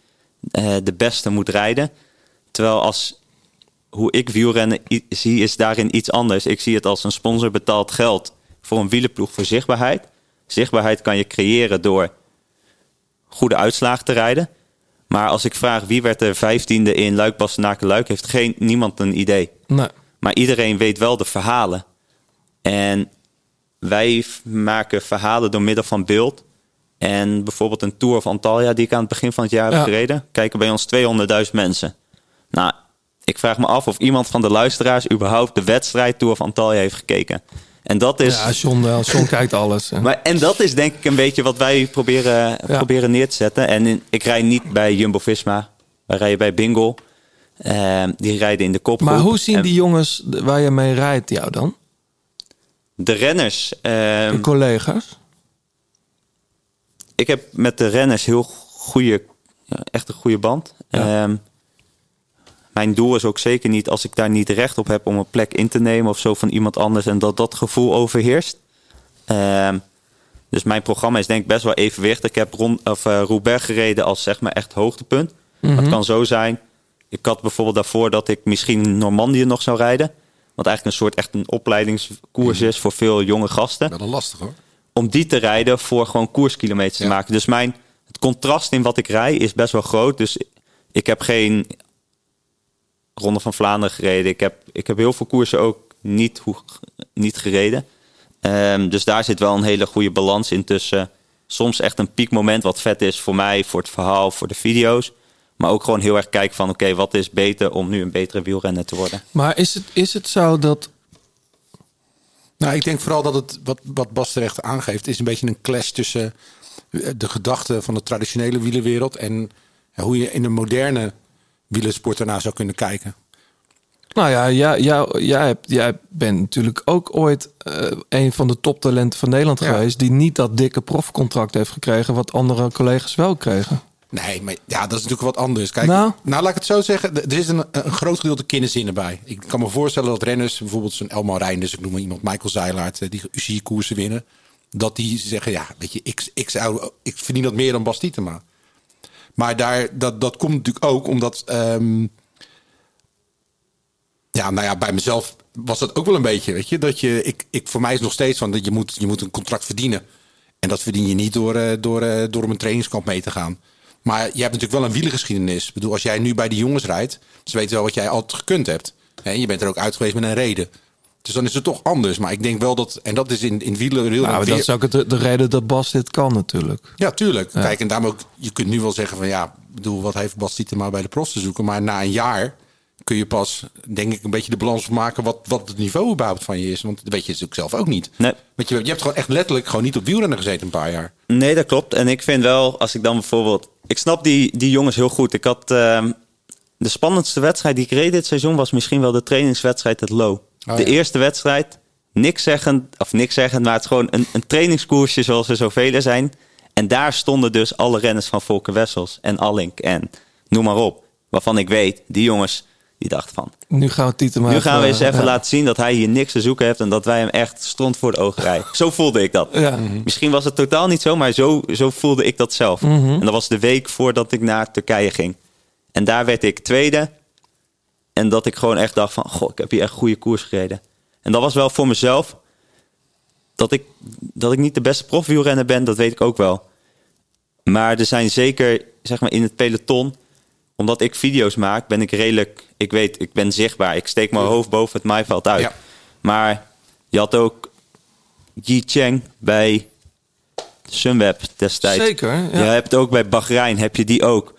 Sagan wordt ook meegenomen met iemand. Ehm, zo bij, zijn er eh, natuurlijk... bij IF eh, rijden nu ook wat jongens rond. Lachlan Morton is een heel goed voorbeeld. Uiteraard hele Ja. goede rennen. Heeft Ja. echt fantastische dingen laten zien in Amerikaanse koersen. Maar dat is wel iemand die ze de ruimte geven. En misschien wel een van de, in die wereld, misschien commercieel gezien, wel een van de meeste interessante renners is van die ploeg. En, Hij doet toch ook al die gravel events en zo? Of is hij dat niet? ja. ja. en ook als je ziet wat Rafa, het, het merk, maakt, is vooral rondom hem gericht. Want hij heeft de mogelijkheid om dat verhaal te vertellen. En ik ben zeker mee eens van winnen. De exposure die dat Evenepoel brengt als hij Luik Bastenaken Luik wint, is enorm. Maar er is natuurlijk heel veel in het midden. Van hoeveel renners zou jij kennen van... Als ik nu vraag, hoeveel renners ken jij van, van onze ploeg? Ik denk misschien een aantal namen, maar je Ja. kent niemand. Nee. Baptiste? Nee, die is Nee, wel weg. Is al weg. Oh, die rijdt. Die, Die is al vertrokken, ja. Ja. Paas, ja, maar dat is denk ik wel een, een beetje een... Maar het is waar wat je zegt. Terwijl vorig jaar Laurens Rex werd 21ste in Parijs-Roubaix. Wat heel knap is. Er zijn niet veel mensen die 21ste worden in Parijs-Roubaix. En daarin denk ik dat je... Als je dan ziet, Devin van der Wiel is in één keer een hele bekende wielrenner in Nederland. Onder het toeristische ding. Heeft nog nooit een koers uitgereden. Nee. Hey, maar mag ik het nog mag ik het even de volgende schakel maken? Jij, je bent nu eh profrenner. Je rijdt bij een, een mooi ploegje. Je mag mooie wedstrijden rijden. Eh, Ja. De NE heb je ook gereden, prachtige wedstrijd. Reed je ook goed trouwens. Ja. Ehm, kan toch niet zo zijn, en dat denk ik ook, zo zit jij niet in elkaar, dat jij nu als renner niet wil gaan verbeteren. Het zou toch te gek zijn als jij en belangrijk voor een ploeg kan zijn, en wellicht toch ook een keer een uitslag kan gaan rijden. Zeker. Hoe, hoe, het wordt hoe altijd, is die planning? Het eh? wordt altijd gedaan alsof er een soort van keuze gemaakt moet en worden. en, dus, ja. En ik denk juist dat het elkaar heel erg versterkt. Ehm, het is ook een, misonder, een misvatting dat ik die video's edit. Eh, Heb je helemaal geen tijd Het is voor, niet dat als ik Parijs-Roubaix heb gereden... dat ik dan mijn laptopje opensla, sticky erin en ga Nee, te editen. Het is goed dat je dit zegt, want ik denk dat mensen soms denken: wat, wat, hoe doet hij dat allemaal dan? Ja, dus ehm, aan het begin van het jaar hebben we dit ook besproken van... oké, als ik ga wielrennen moet je dat met volle overgave doen. En tuurlijk heb ik eens een keer moet ik aanschuiven bij de Grote Plaat podcast of heb ik wat. Ehm, omdat ik dat moet doen. Maar voor de rest ben ik gewoon fulltime wielrennen. Ik vind het er ook wel leuk om hier te zitten. Ik vind het heel leuk om te doen. Maar het is niet, dit is niet een taak die overgenomen kan worden. Nee, en ik kan heel veel dingen overdragen die iemand anders kan doen. Ja. Maar er zijn gewoon een aantal dingen die ik zelf zou moeten doen. Ehm, Heb jij je moeten aanpassen? Je bent ineens toch profielrenner. Laat jij je biertjes nu staan of dronk je al helemaal geen biertje? dronk al geen bier, Geen wijn? dronk al geen wijn. Maar wat heb jij echt moeten aanpassen? Even los van... je- bestellen. Ja. ja, ja, ja. Gewoon eten. Gewoon meer het bewustzijn, hoeveelheden. Daar zit meer mijn zwakte. Ja, ja. Gewoon banket. Dat je op, op, op de markt loopt en dat daar een stroopwafelkraam staat. En je denkt, god, die stroopwafelkruimels met zo'n lekkere stroop Oh, eroverheen. Dat is echt heel lekker. Daar heb ik wel zin in, ja. Ja, dat soort dingen laten staan. Ja. Maar waar ik vooral wel benieuwd naar ben, is voel je thuis daar? Want het, is natuurlijk, het, het kan een warm bad zijn. Je hebt er altijd onderdeel van die hechte wielencommunity eh ben je geweest. ja. Dan ben je even eruit. En nu, hoe voelt dat? Ehm, in wielenwereld op zich Ja. of de ploeg? Nee, de wielenwereld. Gewoon, de- Ehm. gewoon als, als renner gewoon weer in het peloton zitten. Ja, eigenlijk ehm, wat heel raar is bij ons is omdat wij video's hebben gemaakt in de Tour over renners. Kennen wij renners die heel hoog staan in hiërarchie. Ken ik het beste dan die nieuwe garde. En dat is natuurlijk best wel uitzonderlijk. Dus bijvoorbeeld in de Nest stond ik met de start. Ja. En dan kijkt iedereen, oh ja, daar staat Primos. Ja, dat is wel echt de man. En dan komt hij naar mij toe van, oh wat mooi vorig jaar toen je bij ons eh, bij die camper kwam. Ja. Want hij was uitgevallen en wij hadden daar een reportage Met zijn gemaakt ouders over of zo, toch? met zijn, ja, met zijn vrouw, zijn kind Ja. en de hele familie. Oh ja. En daarin merk je wel dat vanuit die hoek, en dat is met veel bekende renners, dat die ken ik heel goed. En Dat is heel grappig, dat ja. is heel goed. Terwijl normaal is die hiërarchie heel erg Maar in je de hebt ook fans in het peloton. Ja, ja, ik, Huh? ik, ja, Ja, ik, fans. ik reed Ben in... Turner, eh, wat zei je nou laatst? ja, ik reed in Denay en ik dacht, eh, in één keer komt iemand van Ineos naast me fietsen. Twee jonge gasten. Dat was eh, Turner en, en die Sheffield. Ik dacht, heb ik nu wat verkeerd gedaan of zo? ik een beetje zo onwennig. Zo van. En toen kwam hij naar mij toe. En toen zei hij, "Ja, gefeliciteerd met het contract. Dus ik, ik, ik zei, ja, dankjewel. En dat was nog net voordat hij echt doorbrak. Dat hij echt bekend bekend werd. Dat hij echt finales reed. En daar zei hij van, ja, ik kijk al die video's. En echt, echt mooi hoe je dat aan het doen bent. Dat was wel, dat is soms wel een beetje ongemakkelijk. Hm. Maar het is niet echt een antwoord op mijn vraag. Ik bedoel eigenlijk meer... Oh. Nee, nee, ik bedoel Ja, eigenlijk ben meer ik warm ontvangen? Eh, Nee, nee, dat niet. Maar voel je de, is het je plek? Weet je, als je daar fietst in de peloton, denk je: hier hoor ik thuis. Dit, dit heb ik wat ik altijd heb gewild. Op het gebied van fietsen Ja, zeker. Ja, ja. op het gebied van fietsen zeker. Ehm, sommige dingen over hoe ik meer wielrennen misschien beleef, is denk ik anders. Ehm, ik ben nu heel gelukkig met wat ik doe. Dat ik juist kan fietsen en daarnaast iets heb waar ik mijn energie in kwijt kan. En ik heb in de periode bij BMC heel erg gemerkt, was ik heel erg gefocust op het wielrennen. Zat ik daar in een Monaco of een Girona of waar dat is, zat ik daar op mijn kamertje. En was de rest van de dag invulling was, was niks. Zat ik daar een beetje, ja, wat ga ik doen? Ja. Ga je Netflix kijken. Een beetje een zinloze ingeving van de rest van je dag. En ik, voor mij gaf dat wielrennen op dat moment niet genoeg voldoening. Voor mij persoon als mens om enkel dat te doen. Mhm. En daarin ben ik nu wel heel gelukkig in de combinatie wat ik nu heb. Dat ik dat zo kan combineren. Nou, ik, ik, zeg, ik vraag het ook een beetje voor mezelf. Want ik heb ook een keer. Ik stopte in 2002 met wielrennen. En toen heb ik tien jaar echt niet gefietst. Ja. En toen ging ik weer een beetje fietsen. Op een gegeven moment een, een, koer- een koersje rijden. En dacht van ja, dit is mijn plek. Ja. Ik hoor hier gewoon. Weet je, dat gevoel. Dus ik denk dat, ja, daarom was ik benieuwd of jij dat ook eh, zo, zo ervoer. Praten we zo over verder. Eerst even muziek. Baby, come on, get stoned, get stoned, get inside inside inside inside. Get long, get long, get long, get long, get. Heard about the week on the Daily Mail sheet, yeah. Baby, come on, fuck, go and get gone. Heard you lied to the major, won't be long. Well, I wish upon a wedding for a bitch. Ja, ondertussen wordt er nog eh, lekker doorgepraat. Eh, over de koers, over de fans. Gaan we zo weer over verder met Bas. Eh jij had dit meegenomen, John. Fontaine's DC. Ja, wat een geweldige band is dat aan het worden. Was het toch al? Ja, maar het, het is nu ook gewoon... Het was eerst meer een beetje een punkband, vond ik. Echt die postpunk zouden. Ja. Hele mooie melodieuze liedjes. Ja. Ze hebben net weer een nieuwe plaat uit. Skintifia. Ja, wordt goed ontvangen. Ja, zeker. En eh, dit nummer Roman Holiday. Weer een, eh, een film trouwens. Wat al een keer eh, Inola Gay, met Birth of a Nation. Ja. Die stond trouwens op Moto Muziek. Die schijnen steengoed te zijn geweest. Maar inderdaad, eh ja, bandje uit Ierland, 2019. Daar eh, heb ik ze trouwens voor het eerst Ja. gezien op Muziek. ja, ik volgens mij ook. Toen vond ik ze eigenlijk iets spannender. Ja. Ik vind dit, eh, Ik hou hiervan. ja, het is ook wel iets gelikter geproduceerd, Ja. wat niet erg is. Een beetje meer Britpop kant eh, op. Maar ik- ja, het is hun derde plaat al in drie jaar. Dus eh schrijf ook veel. En eh, Tof. ik denk, neem dit even mee. Ja.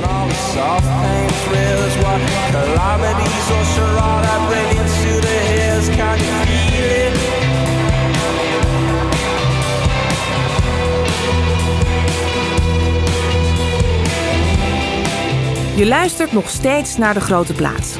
Alle liedjes in deze en vorige afleveringen luister je in zijn geheel terug in de playlist De Grote Plaat Songs op Spotify. Hey John, wij moeten het nog even hebben over Isaac. Yes.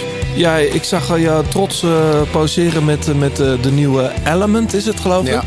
Het paradepaardje van Isaac. Zeker. Jij rijdt er inmiddels op. Ja, het heeft wat voet en aarde gehad, maar het is nu gelukt. Jij wilde net als Tom Bonen een iets ander stuurtje erop, geloof Ja, ik? ik, wilde, ik zat iets te kort. Hmm. En ik ben eh, nogal een uh, mierenneuker met posities en dat soort dingen. Dus als ik Tuurlijk. het gevoel heb dat ik niet lekker zit. Ik wil, mijn fiets is echt mijn gereedschap. Tuurlijk. En daar wil ik perfect op zitten. Dus ik heb nu alles eh, getuned met eh, hulp van, uh, van Schijndel Wielersport uit uh, Schravenzanden, mag ik wel even zeggen. Ook een Isaac dealer, die helpt me overal altijd mee. En ehm, ja, dus ik rijd nu als een, eh, als, een, als, een, als een koning rond. Het is een hele strakke fiets. Ja? Ja, want Wat merk je eraan? Want nou ja, gewoon hoe de, de- je voelt dat elke, elke trap gewoon in, eh, in, in de grond gaat. Hè? Dat is eh, bij een bij, voor de uitzending al even over, eh, over, de, over de, de, ja, de kracht van een goede fiets. Mhm. En deze fiets is gewoon allround. En je kunt er mee over kasseien rijden. Je kunt, maar hij is ook gewoon snel. Ja. Hele, ja, wat ik vorige keer van mij al zegt, eh, zei, eh, je, hebt, je kunt met je voet op het bracket en dan zo duwen. Weet je, dat is altijd een keuze hoe strak een fiets is. Ja. En Deze kun je echt een centimeter opzij krijgen. Dus eh, echt Ja. heel fijn. Dus ik eh En, en eh, veel kilometers maken. rij je daar ook die wedstrijdjes mee nu? Dat moet ik nog gaan doen, want Ja. hij is nu net eh, is die Picobello. Ja. Dus en eh, met Shimano eh, Ultegra, dat is even wennen. De race is met de concurrent. En dan, eh, dus nu heb je, af en toe dan schakel ik gewoon mis, dan wil ik zwaarder en dan is het lichter. Maar ja, dan voel ik me ook als een oude man, dan moet ik even van wennen. Dus ik, eh, ja, Nee, maar um, um, voor mensen die eh, even willen checken hoe die fiets eruit ziet, kunnen natuurlijk even de Insta, eh, Insta zien. Maar eh, op, eh, hoe heet die site? Isaac Cycles. streepje cycle.com. Dan kun je die nieuwe element zien. Eh, Tom Bonen heeft hem ook getest, hebben we het al eens eerder over gehad. Ja. Krijgt hele goede ratings, maar nu eh, ook eh, de approval van John den Braber. Dus eh, zeker. we zullen hier nog wel eh, binnenkort samen een keer weer fietsen, John. Dus wordt lijkt me wel, wordt hartstikke wel leuk, weer, eens, weer eens tijd. Ja. De grote plaat Dilemma's. Bas, ik weet niet of je het weet, maar met veel gasten doen wij de grote plaat dilemma's. Ehm, we stellen jou een aantal eh, vragen, eh, dilemma's. Of eh, je krijgt een keuze uit twee antwoorden en je mag er maar één kiezen.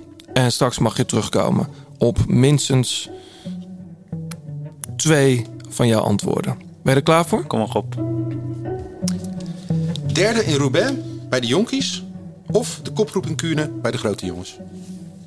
Derde bij de jonkies. Enzo Knol of Nicky Tutorials? Nicky Tutorials. Het succes van Tour de Titema is puur toeval.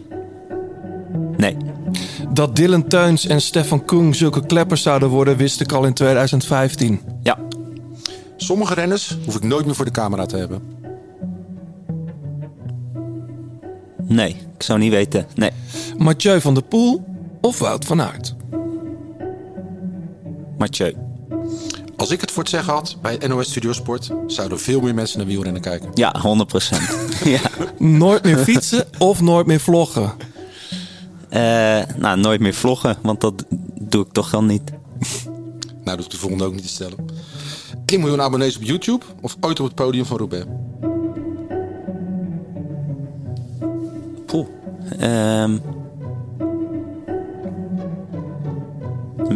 Roubaix winnen, ja. Als profrenner doe ik tijdens een officiële wedstrijd nooit mee aan een wheelie contest van een YouTube-kanaal. Nou, deze week toelichten? Nee, eh, ik doe wel mee, ja. Maar wel toelichten. Wil je nog ergens op terugkomen? Ja, eh, laten we maar met die laatste beginnen. Een wheelie contest heeft natuurlijk heel erg te maken met waar je het doet. Ja. Dus als iemand in de volle sprint of tijdens een koers of een wei-etappe slaat het nergens op. Even voor de helderheid, voor de mensen die niet weten waar we het over hebben. In de Tour van 2020, Tour de France, was het 2020? Eh, twee keer gedaan. Ja. Vorig jaar en het jaar ervoor. Ja. Eh, deed jij met eh Tour de Titema, met jouw mannen, een, een wheelie contest Ja. tijdens het Tour. Dus mensen die in de, in de, welke klim was het? In ieder geval, ik heb er één gezien die, die Olly won. Ja. Oliver Nase. Vroegen jullie aan de renners die langskwamen om een wheelie te doen. En dan degene die dat langst hi- volhield, die won. Een Ja, soort exact. grappig wedstrijdje, hartstikke leuk. Er kwam heel veel kritiek ook op. Volgens mij hadden jullie ook nog gezeik met de Tour de France later nog daarover. Omdat jullie stonden te filmen op het uh, wielerparcours. Daar daar hoeven we het nu even niet over te hebben. Maar goed, dat is de context. ja. Jij Eh, zou dat als renner nou, dus wel doen. Nou, het heeft dus te maken met de context. Want normaal inderdaad zou ik... Ik snap heel goed als degene die rijdt voor de overwinning... slaat nergens op. Die moet naar, zo snel mogelijk naar de streep. Alleen in de voorbereiding kijken we aan het routeboek... wat is een geschikte etappe om dit te doen? Ja. Want het heeft natuurlijk heel erg te maken met de groep... die zijn werk al gedaan heeft, ruim op tijd binnen is... en eigenlijk tijd heeft om gewoon naar de finish te rijden. Ja. En dat zijn ook de momenten dat er filmpjes komen van Sagan die dat ook al vaker doet. Of dat hij eens een keer een boek signeert of weet ik veel. Er zijn natuurlijk tijdens Ja, de. Tour genoeg van die filmpjes. En dat is het moment dat vooral eigenlijk de renners die te goed zijn voor de sprinters om buiten tijd te komen, die zitten in een soort van ja, Niemandsland. niemandsland. We moeten maar. En Het is niet de bus die op tijd probeert binnen te komen. Al die, die toppers eigenlijk daartussenin die Ja. klaar zijn met de wedstrijd. En dat is een groep van, van 50, 70 renners. En dat zijn ook de renners die... Op een gegeven moment ken je er een aantal die het juist heel leuk vinden. Ja, zij hebben niet echt een doel verder. En dan is het leuk om zo'n wheelie contest. En ook dan zou ik er zelf aan meedoen. Dus dat eh, is een beetje de, de context van het verhaal. Ehm, ja, Nou, jij zei net van, de, we hebben het er even niet over, maar ik vind het wel belangrijk eigenlijk. Want ik denk dat het toen dat gezeik met de ASO ook een beetje dat de kickstart is geweest. Dat jij een soort grappige content maakt, ma- maakt waar je waarschijnlijk geen licentie voor hebt, in hun evenement. Ja, wat trouwens, wat ik nog steeds persoonlijk een heel gekke regel Nee, vind. maar want het- het is de openbare weg. Ja, maar het is een beetje wat Bas zegt ook net al. Van, het- je, je, zo'n organisatie kijkt dan niet van, ja, waar, waar haal ik nieuw publiek vandaan? En die hebben puur Ja, maar die- dit gaat puur om rechten. waarom Ik denk de dat het al, Nou het gaat denk ik al een beetje mis aan, het aan het beginsel. Ehm, toen wij ooit zijn begonnen, hadden we niks. Heb ik een mail gestuurd naar de ASO. Hoi, wij zijn een YouTube-kanaal en willen naar de Tour de France. Nou, krijg je daar reactie op? Nee, tuurlijk niet. Vervolgens kom je op een soort inlogpagina. En dan moet je aangeven, ben jij schrijvende pers? Ja. Of ben je broadcaster? Ja. Nou, John, wat zijn wij? Ja, ik denk broadcaster. Ja, maar als wij daarin komen, slaat nergens op. Want het, want het is niks. En het probleem zit niet in de beeldrechten. Het probleem zit hem in het zelf filmen van beelden. Ja. Want ehm, beelden van de wedstrijd, die kan je kopen. Die worden, en het probleem is ook niet dat wij niet willen betalen. Ik zou prima als ze een prijs geven, dan kunnen we het of zelf betalen. Of misschien als mensen het heel leuk vinden, dan zeg je, nou, dit kost het om een video te maken. Nou, prima. Maar het probleem zit hem in het feit dat naast de Franse televisie is er eigenlijk niemand officieel bevoegd om beelden te maken naast de wedstrijd dan de Franse tv. Dat is trouwens bij alle wedstrijden zo. Hè? Ja, je hebt een hoofdbroadcaster en die zendt het uit. Alleen, die zenden helaas niet de wheelie contest uit van plekje 80. Die zijn bezig met de winnaar. Dus daar kom je in een soort van hiaat van. Dus dat betekent dat het niet kan. En ik denk niet dat er een andere mogelijkheid was geweest door het daadwerkelijk te doen. Om het gesprek aan de kaart of, zo, of het gesprek Mhm. te starten. En dat is nu gaande. Dus nu zijn we gewoon met de ASO in contact. En merk je dat er binnen die organisatie ook heel veel verschilligheid is van de digitale media die het heel vet vindt.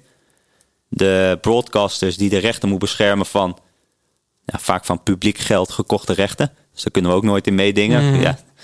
Ehm, en de sponsors, voor wie het ook nog wel interessant kan zijn. Want als wij bijvoorbeeld met een toursponsor samenwerken, die vinden dat best wel interessant. Meer bereik, andere doelgroep. Dus er is een heel erg palet aan, aan, ma- of, eh, ja, aan macht en dingen die spelen. Ehm, waarbij traditioneel broadcast heel veel geld oplevert. En daar zit eigenlijk een beetje het, het ding in. En ook wat betreft die wheelie contest. Het jaar daarvoor deden we de wheelie contest ook. Nooit iemand van gezegd. Nee, maar nu ja. werd het te groot. Kwam het op tv, heeft Preudom het gezien. En toen begon het balletje Ja, te rollen. Volgens mij dus, je- wel een, een van jullie best bekeken filmpjes. Totdat die eh, online, offline werd gehaald, inderdaad wel. En daar heeft de ASO een fout gemaakt. Ja. Want dat wij filmen, hij is offline gehaald op het, geen, op, het, op het recht van het beeld. En het recht van het beeld is van ons, want wij Ja. hebben het gefilmd. Ja, Dat wij hebben gefilmd met niet een juiste licentie, dat is een ander verhaal. klopt. Alleen, dat is een beetje wat ik ook zonde vind met... Wij verliezen het altijd van maar de sta- hij staat er toch op? Of is die van Nee, hij is jaar? Van vorig jaar. Die, Die, van die dit- Olivina, met Oli, ja, maar die van er. dit jaar is eraf gehaald. Ja. En dan is het een ding van, ga je de strijd aan? Of ga je je richten op de toekomst om gave dingen te maken? Nou, dat laatste lijkt me. En dat laatste, en je ziet ook met de partijen die dat niet doen. Ik vind Velon daar een goed voorbeeld van. Die is meer in de rechtszaak bezig dan met, bezig met nieuwe dingen en gave dingen. Dus daarin hebben wij best wel snel gedacht, oké, nou, vanuit en het dat... is ook, jullie maken ook business ermee. Dus het is ook prima om daar natuurlijk afspraken over te maken. Dus het is, niet, dat is ook, het is niet per se dat wij niet bereidwillig zijn en dat wij per se eh, iets willen doen wat niet mag.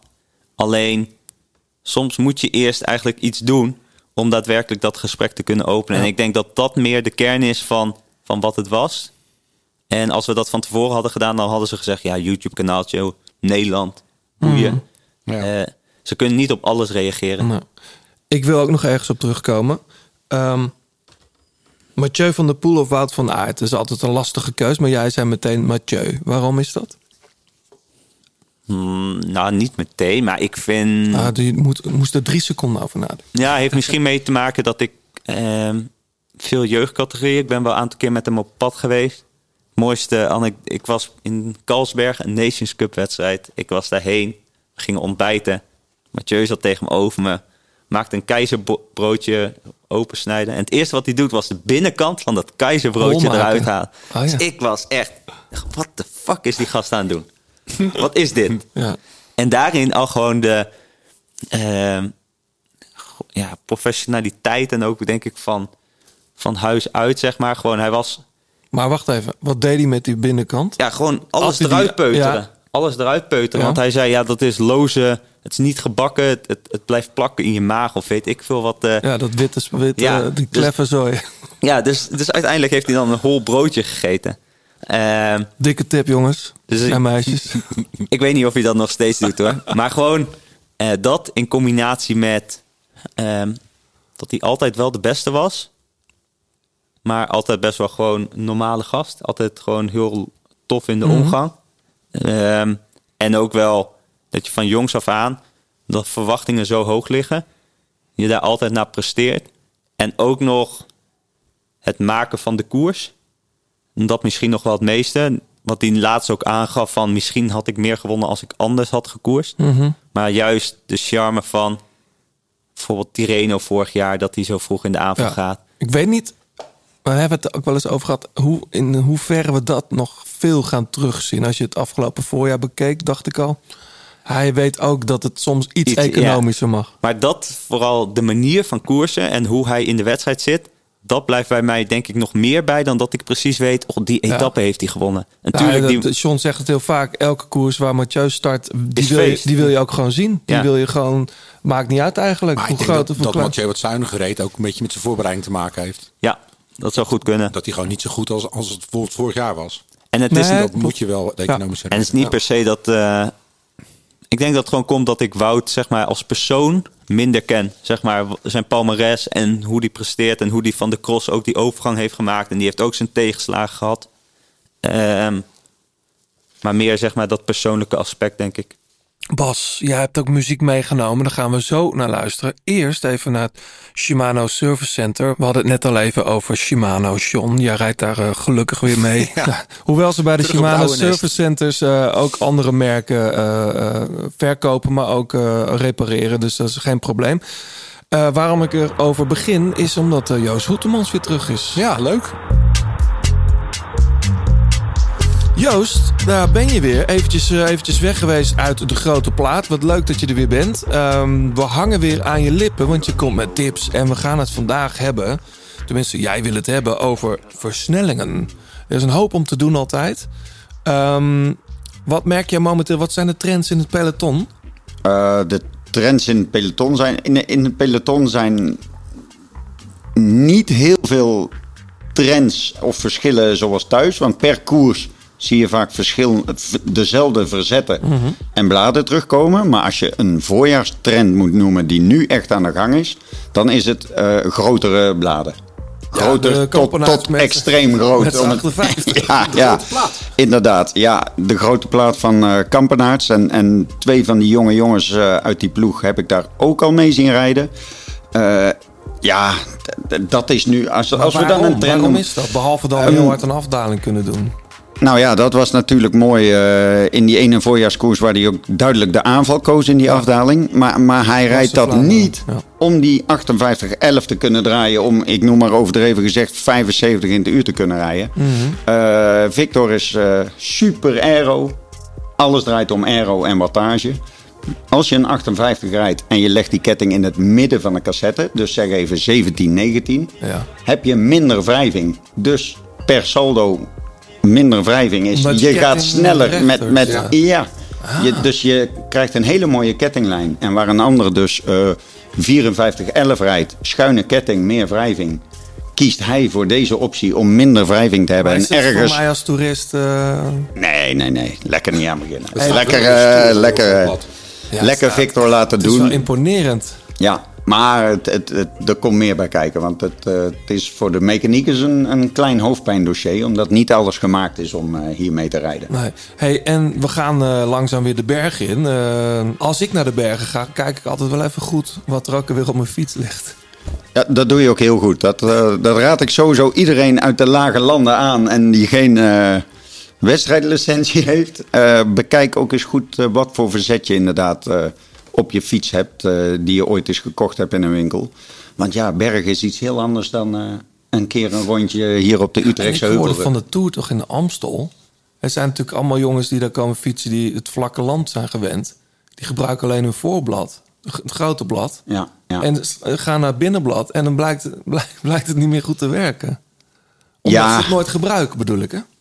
Ja, je hebt ehm, zeker met, met fietsen die wat ouder zijn en met oudere derailleurs, eh, rij jij alleen maar buitenblad. En in de regel voor een, eh, ik zal het woord weer eens noemen, trimmer, eh, rij je buitenblad en vrij hoog in je cassette. Dus die derailleur staat constant onder spanning.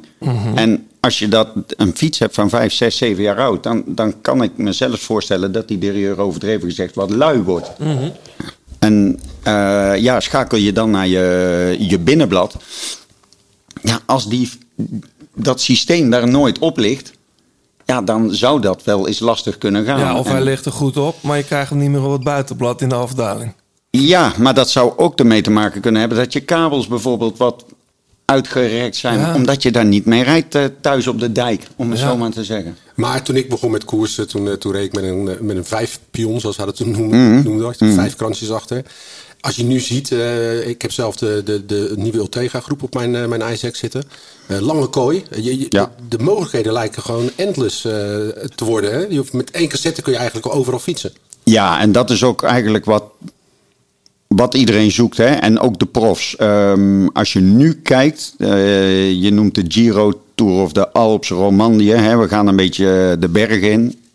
Je kan nu met, met zo'n groepset, de profs rijden dan standaard 54-40 tegenwoordig. Oh ja? En met een cassette 1130 tot keuze 1134. Ja. Ja, als Zeker je... met, een, eh, met de Etna erbij en dat soort eh Ja. blockhouse. Ja, ik heb een, een, een klein beetje zitten rekenen, omdat ik wist dat we het hierover gingen hebben. Eh, ga jij 40, 34 rijden, kun je dat terugkoppelen naar in een vorige groepset compact 36, 30.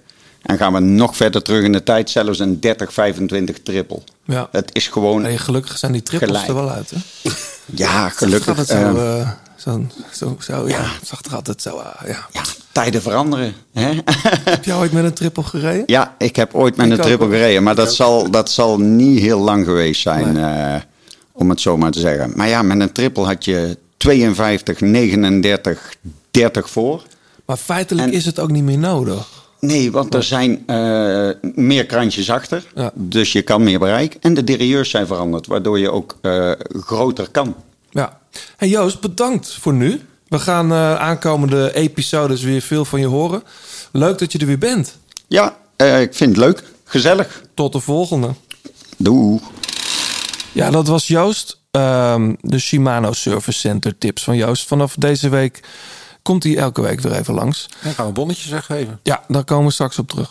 Bas, wil jij nog, wil jij, je- je mag nog ergens op terugkomen of heb jij daar geen behoefte meer aan? Je- Nou, ik kwam vloggen. Vloggen. Ja, dat is een mooi woord, hè? Ik vind dat echt, dat is de, de- Nou, de- maar ik- dat, is een grote filmpje- misvatting. Het eerste filmpje wat jij Dat is vloggen. dat is Dat is vloggen. vloggen, ja. Dat je echt nog met je iPhone zat te klooien. Ja. Ik weet dat het inmiddels geen vloggen is. Maar dat is wel echt, als je kijkt bij mensen die. ehm, dat daar een grote. Mensen we zien dan Parijs-Roubaix. En die zien overal in de media dat ik daar gereden heb. En die Mhm. verwachten dan dat de dag daarna een video online staat. En bij series zoals Drive to Survive in de Formule 1. Of Boer zoekt vrouw of noem maar een programma.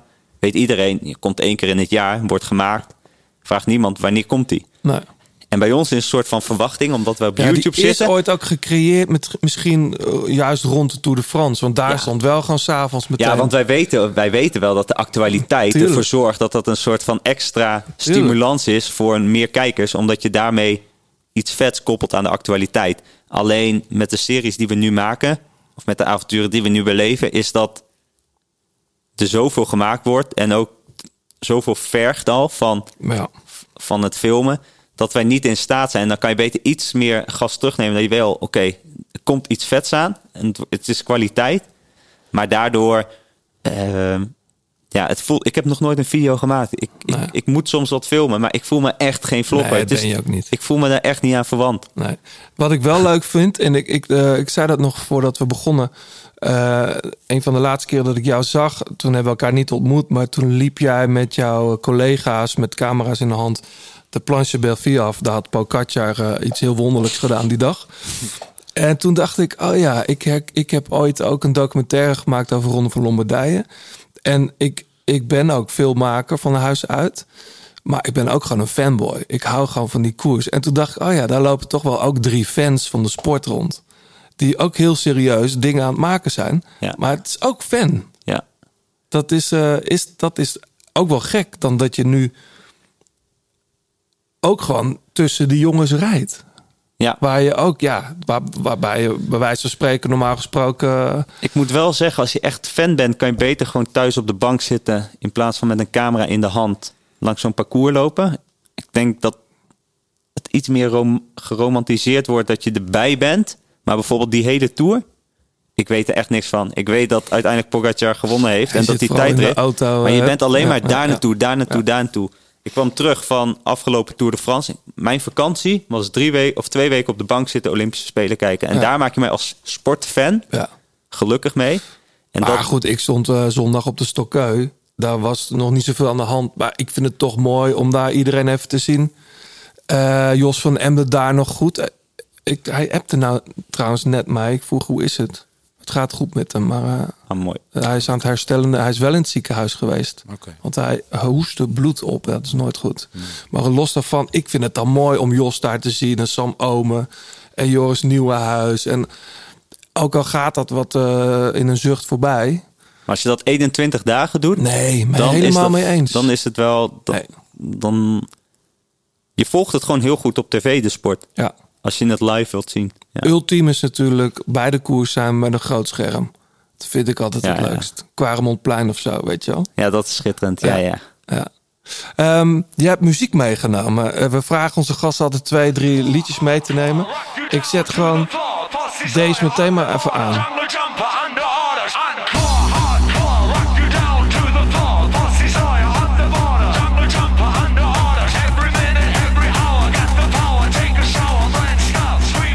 Ja, Bas.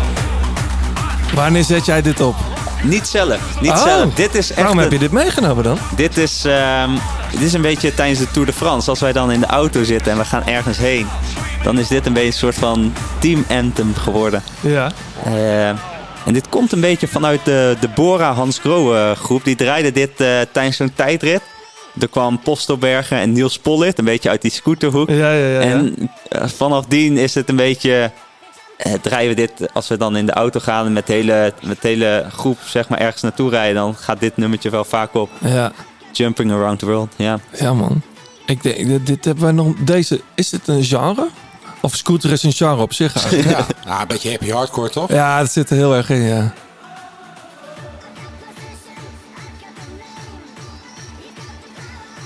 Maar als jij zelf muziek luistert, wat, wat draai jij dan? Eh, heel, heel breed, denk ik. Ja? Ehm, dat kan zijn ehm, Peter Gabriel, dat kan zijn Nick Mulvey. Oh, wat leuk. ehm, Ben Howard, Mark Knopfler, Ja, heb je ook iets van meegenomen? Boudewijn de Groot. Oh ja? Kan, het is echt eh, heel breed wat dat betreft, En, denk en ik. heb, jij, heb jij vroeger zelf eh, eigenlijk veel muziek gemaakt? Eh, nee. Nee? nee, dat hoef je niet om te lachen. Dat, is, dat hoeft toch ook niet? ik ben heel amuzikaal. Ja. Ik vind het heel mooi om naar te luisteren. Mhm. Eh, ik heb ooit een gitaar gekocht. En toen dacht ik, Ik wilde net zeggen, ik vind jou een type die ooit een gitaar heeft ja, gekocht. ik wil heel maar graag... echt, hè? Ik wil heel, Ben Howard toch? Als ik wil heel graag dat kunnen. dit hoor. Ik wil dat heel Ja, graag ja, kunnen. ja. Maar ik heb niet de effort daarvoor om dat structureel te oefenen. Dus ik ben ooit wel naar een gitaarles geweest. Er was Ja. er één. En ja, daar is het bij gebleven. En nu is de gitaar weg. En nu luister ik naar muziek. Ja, zoals dit. Het leek nogthans een heel gewone dag. Ik goot wat fruitsap naast mijn glas.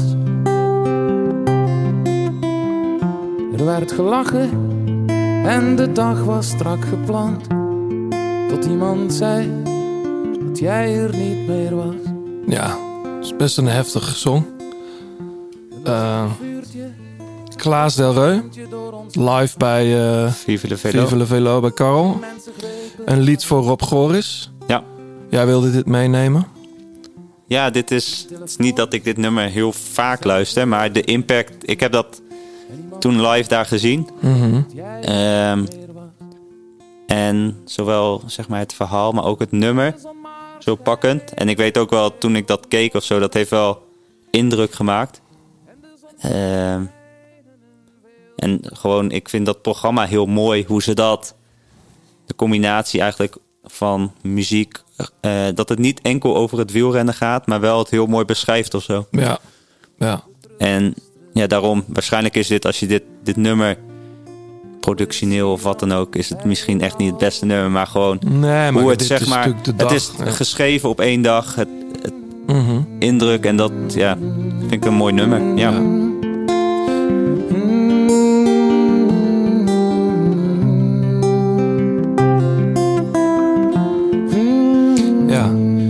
dit, lied eh, staat niet, eh, eh, beste luisteraars, in, eh, in de grote plaats songs. Want dit, dit staat niet op Spotify. Nee. Dit is van een live uitzending van eh Carl van Nieuwkerk, Sportza Vive le Velo. Eh, daar, je kunt het op YouTube terugvinden. Daar hebben wij dit ook vandaan. De grote plaats, laatste kilometer. Wij, eh, wij gaan naar de laatste kilometer. We zouden eh, heel graag over de Giro doorpraten, maar het wordt veel te lang. Dus wij gaan over de Giro doorpraten. Maar dat doen we, eh, dat doen we dan heel snel hierna en in deel 2. Bas, wat ga jij dit voorjaar eigenlijk nog doen? Zo, wat, ga jij, wat ga je doen? Wat ik ga doen? Ja, wat ga je allemaal doen? Dit voorjaar, wanneer stopt het voorjaar? Nou, eigenlijk zeiden we net aan het begin dat het voorjaar al klaar is. Wat ga je deze zomer doen? Hoe ziet jouw Ehm, programma eruit? Eh, Veenendaal, Veenendaal staat sowieso op mijn programma. Dat is toch wel een classic, hè? Eh, dus zeg maar, het, het wedstrijdkalender gaat gewoon door. Onze ploeg rijdt geen ro- grote rondes, dus ehm, we zullen veel punt 1 koersen rijden. Ja. eh, door Europa heen. Waarvan ik gewoon, ja, ook meerdere ga rijden. Staat er dan ook ergens al iets rood omcirkeld van... ah, dan moet ik ook echt... eh, Nou, NK wielrennen is denk ik wel een hele mooie. Ehm, Dat is nu een grotere omloop, toch? In, eh, Ja. Bij de Van Berg? ja, Maar wel met de Van Berg erin, toch? Ja, maar niet met dat, dat achtbaantje. Maar nu is het gewoon echt een, eh, een omloop, ja. een omloop door uh, Drenthe. Dus dat eh, vind ik een hele mooie wedstrijd. En voor de rest zijn heel veel wedstrijden. Hey, de Tour de France, de Tour de France zou, zou dit jaar natuurlijk... is natuurlijk heel gek, want jij, daar rijd je, rij je niet. Daar rijdt de ploeg ook Mhm. niet. Ga je daar wel aan het werk? Of hoe, hoe, hoe zit dat eigenlijk? Ehm, ik als persoon denk ik dat ik gewoon ga trainen en... Als persoon. Je gaat nu een onderscheid maken tussen... Er zijn ook heel veel kermiskoersen tijdens de Tour. hè? Nee, maar ik, ik, als ik het kan combineren dat ik ergens op trainingskamp ga en dat dat in combinatie is met dat ik misschien dat we daar een, een video of iets aan koppelen tijdens de tour, dat zou kunnen. Dat ik 21 dagen, zoals ik de vorige twee jaar of drie jaar eh, meega. Dat is toch niet te doen? Dat is niet te doen. Nee. Nee. Dus- Maar af en toe even daar langs voor het een of het ander. Nou, het zou bijvoorbeeld kunnen dat ik ga trainen in de Alpen. En als het dan in de Alpen komt, dat we dan, eh, dat we dan bedenken dat we iets doen met de Alpe d'Huez op fietsen. Of, Ja. Ja, Ja. Zo. Dus meer, eh, meer kijken of het haalbaar is om beide te combineren. Ja. ja. En ook met het wedstrijdschema. Leuk. Zin in? Ja. Ja. Nou, ik heb sowieso niet per se in die periode, maar ik heb nu gewoon wat we doen. Gewoon heel veel plezier in, in, in wat ik doe. Eh, voor hoeveel jaar heb je eigenlijk een contract getekend? Voor, eh, volgens mij voor één jaar. Dat is toch altijd eh, renners Ja. die dat dan, dan voor één jaar tekenen. Dan, eh, ja, dan moeten ze een keer een prijs gaan rijden. Dat zie je dan altijd najaar. Dan, dan ineens, of dan moet er een, nog een bijzondere prestatie plaatsvinden. En dan, waar word jij straks op afgerekend eigenlijk? Ehm, ik denk dat eerder dat ik mijzelf dat oordeel vel dan dat iemand anders die over mij velt. En dat renners prijs moeten rijden, moeten ze doen omdat ze een contract moeten rijden om levensinkomsten te krijgen Mhm. om, om dat te doen. En bij mij het is niet per se dat ik zeg van ik wil tot mijn 33ste per se prof zijn. Ja. Als het blijkt dat ik na twee jaar zeg van oké, het is ik heb het maximaal eruit gehaald. En misschien is dit het.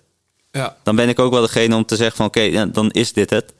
Ehm, dus zolang ik er plezier in haal en verbeter en daar alles aan kan geven, dan zie ik hoe ver het gaat. En dan of dat bij deze ploeg is of hoe dat gaat, geen idee. Nee, nee, nee. Ehm, maar ik denk meer dat dat vanuit mezelf komt dan dat iemand gaat zeggen: Goh, we hebben de uitslagen eens bekeken en ja, we verlengen het contract niet of wat dan ook. Ja.